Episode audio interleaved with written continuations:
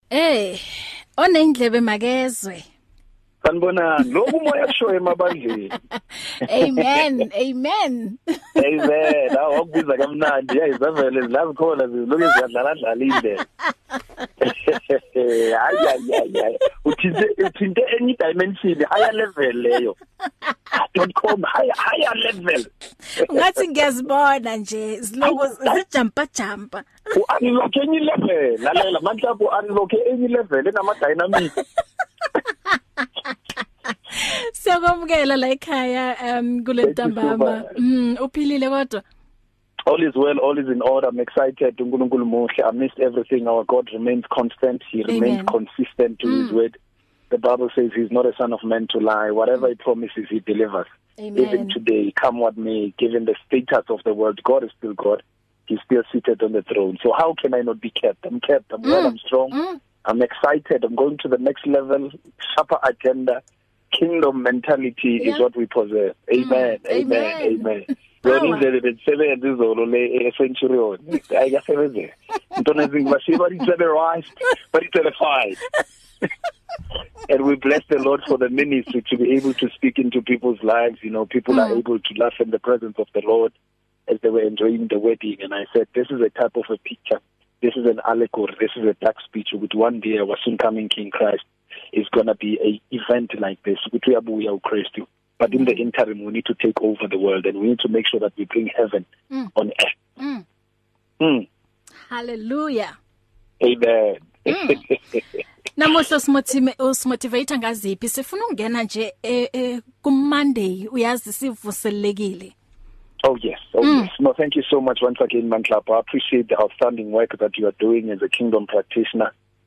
in the airwaves, you know, in this uh, uh, uh, sphere whereby a lot of people are listening. There's more people listening to radio than watching radio. Mm. So there's power and influence when it comes to radio. And Amen. when God is using such voices of your caliber to be able to spread the gospel, we bless the Lord for you. May it be more, may you increase.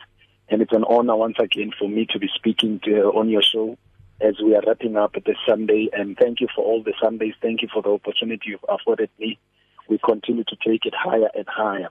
So today, as we're speaking about e-perception, I just want to wrap it up to say, uh, for you to step up, there are three levels that you need to be cognizant of. Mantlapo? Mm-hmm. For you to yeah. step up? Yeah, there are three levels that you need to be cognizant of. All mm-hmm. of us are anointed one way or another. And what is the anointing? The anointing is the unction to function. It is mm. the power of the Holy Spirit upon a person. but kunezinto ekutholakala ukuthi uNkulunkulu noma ordainer yena ngokwakhe zimesh zimoshwa or they are being messed up by people yeah. so we need to be cognizant to everyone who's listening under the sound of my voice uh, to my friends to my wife my lovely wife my number one supporter and mm -hmm. to her colleagues who have said look we are listening thank you so much wow. for tuning in so these three levels i felt ukuthi they are very cognizant ukuthi sikwazi ukuthi siye ku next level siyakuyiphasika mm. manje we are passing over. I want to talk about the, uh, the three levels of uh, David anointing.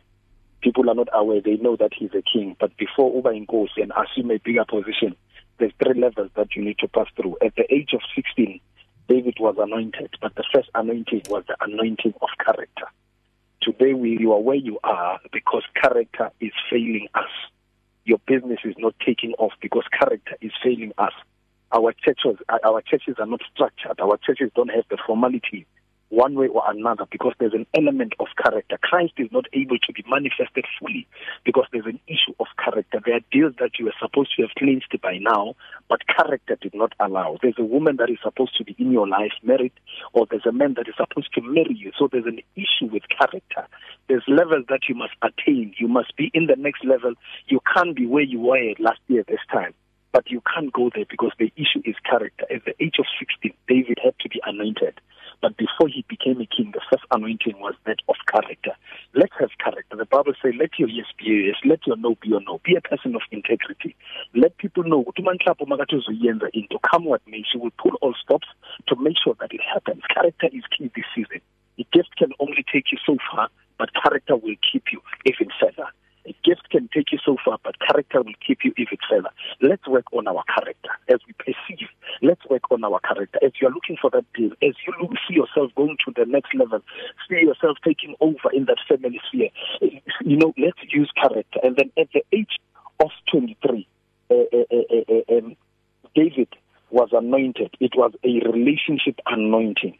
we need relationships. Let's not be careless about the relationships. Others are destiny helpers. Now God has brought in the season for your life to be able to go to another level, to be able to open new portals of your life, be it at business level, be it for the next position. You are tipped to be the next managing director, but your character is failing you. Not only that, you are careless with your relationships. When people come and confide to you, you talk issues of them because why? You do not have character. Not only character, you do not know who you have by your side. Some people, Manhlapo, they're struggling today, and yet they've got a, a, an array of skips around them. Kunabantu, when you go to their phone book, bahleli they are breaking. Atshela abangani bakhe ukuthi impintshi yami udoctor, impintshi yami lawyer, impintshi yami police, uManhlapo impintshi yami ulapha ku radio pulpit. But their lives are not changing. Why? They are a, a, a, a careless with their relationships. We need to be careful how we treat people, those whom God has ordained for us. At the age of 16, there was an anointing there was an anointing for for for, for David to for character at the age of 23 there was an anointing for relationship then at the age of 30 there was a governmental authority which when it was when he was uh, uh put uh, uh, to power as a king beka lama levels all of us want to see ourselves a king all of us want to sound like uManhlapo all of us want to build those mm. all of us want to have matching uh, uh couple goals But no one wants to go through the processes. Can we not uh, uh, avoid processes? Processes are key. You know, some people they want to come out of the fire before it's time. Mm. Go through the processes. Your anointing must it must take shape. One, character is key. How wow. is your mm. character this season? Mm-hmm. Two, you need to check your relationship. Three, then you assume your kingly role. Some of you, niyazifuna lezinto, but mm. when they come prematurely, they will kill you. power will kill you when it's assumed prematurely. Mm. There's certain opportunities that you must say no. There's certain monies that you must say no. I can't handle this. There's a show about I blew it. When you hear stories of people, hmm. umuntu mm. bekaphethe 47 million, selling 47 rand. It's amazing how things are. Why?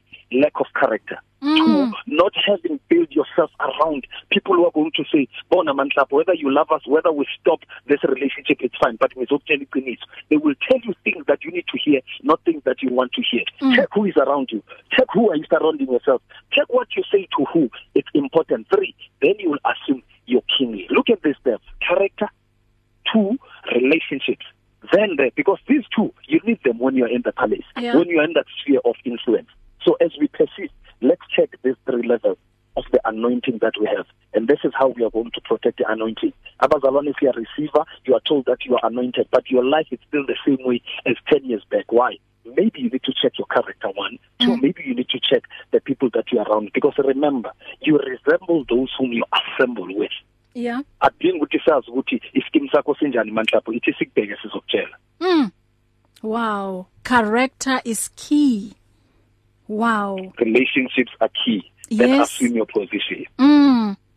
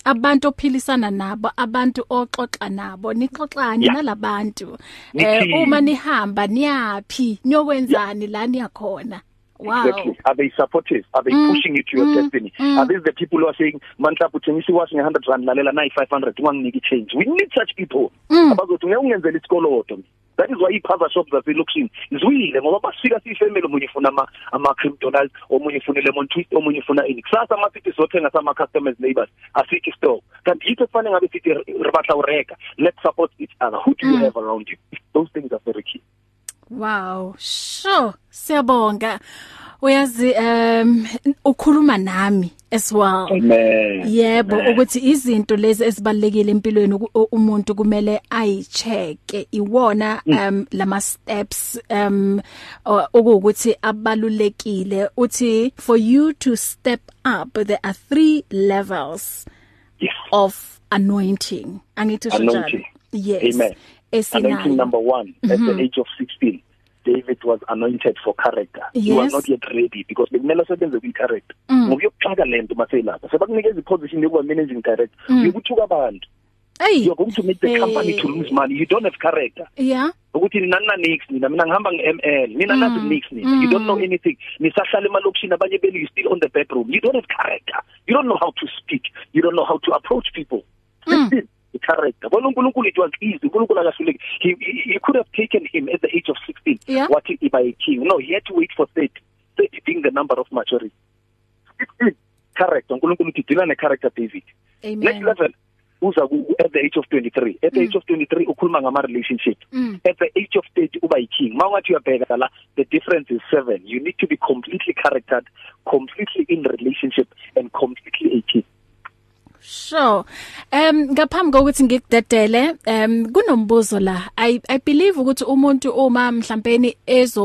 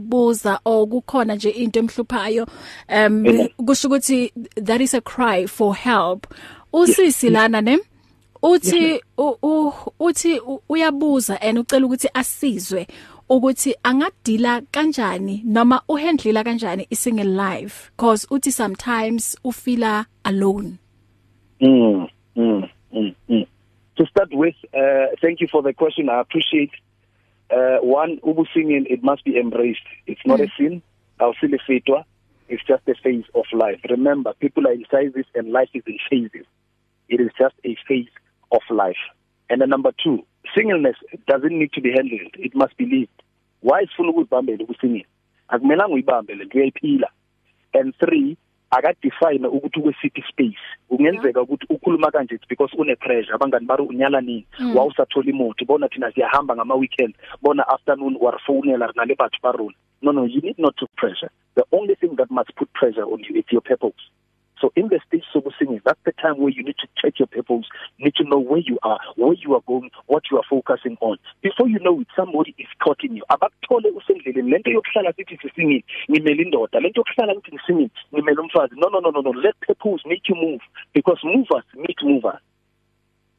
shakers wow. meet shakers yeah so kuba usingile akumelanga buhendlile akaphile ubusingile handlilwa uyaphilwa that's the reason why uthola ukuthi si under pressure it's because we want to handle this thing no this thing it, it will handle you so let her not handle it but let her live it two let her focus on her god given assignment which is her purpose then she becomes married to her purpose mm. then there's a person out there who's saying i need a person of one to train for then they will meet up so let her not have pressure she's too anointed too gifted to be have to be having so much pressure as it is impilo ngokwayo manhlapho masivuka kune pressure yeah you mawuvuka ekuseni you say I, i have pressure to deliver how is my show today you need to pray and so give me eloquence of speech accuracy and mind already below in a pressure mm. please my sister wherever you are listening don't add pressure marry yourself to purpose your singing life then will take you to another level you are too anointed you are too gifted you are too beautiful you are too smart to want to handle singingness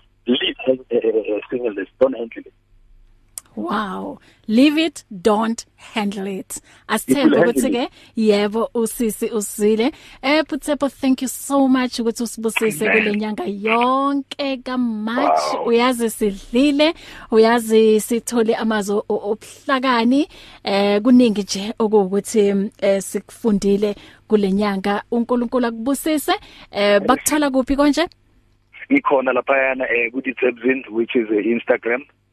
and then ke i-Twitter iditsebc e and then go Facebook uh, eh, ditsebe.com mm -hmm. uh, eh, there's just a lot of movement that is going to happen i'm also doing virtual shows uh, let them check my page this is what is happening yesterday i was at a wedding so i'm available as an mc i'm available at church we need to be laughing while mm -hmm. we are transitioning laughter is part of it uNkulunkulu ufuna sibe ne good time in his presence good time as we live life you know let's drink right you know mawuphuma uyohlala nabangani bakho uphuza mm. sisho ukuthi mm. uphuza utshwala but uphuze kahle ucabange kahle manhlapho and yep. live well in the interim let's laugh so uditsebe.com is still available and we are trusting God that we'll take it a level higher and higher the world is waiting for us there's a new set of heroes that are waiting but in the interim be light about it and take it to another level so they can find me on those socials amen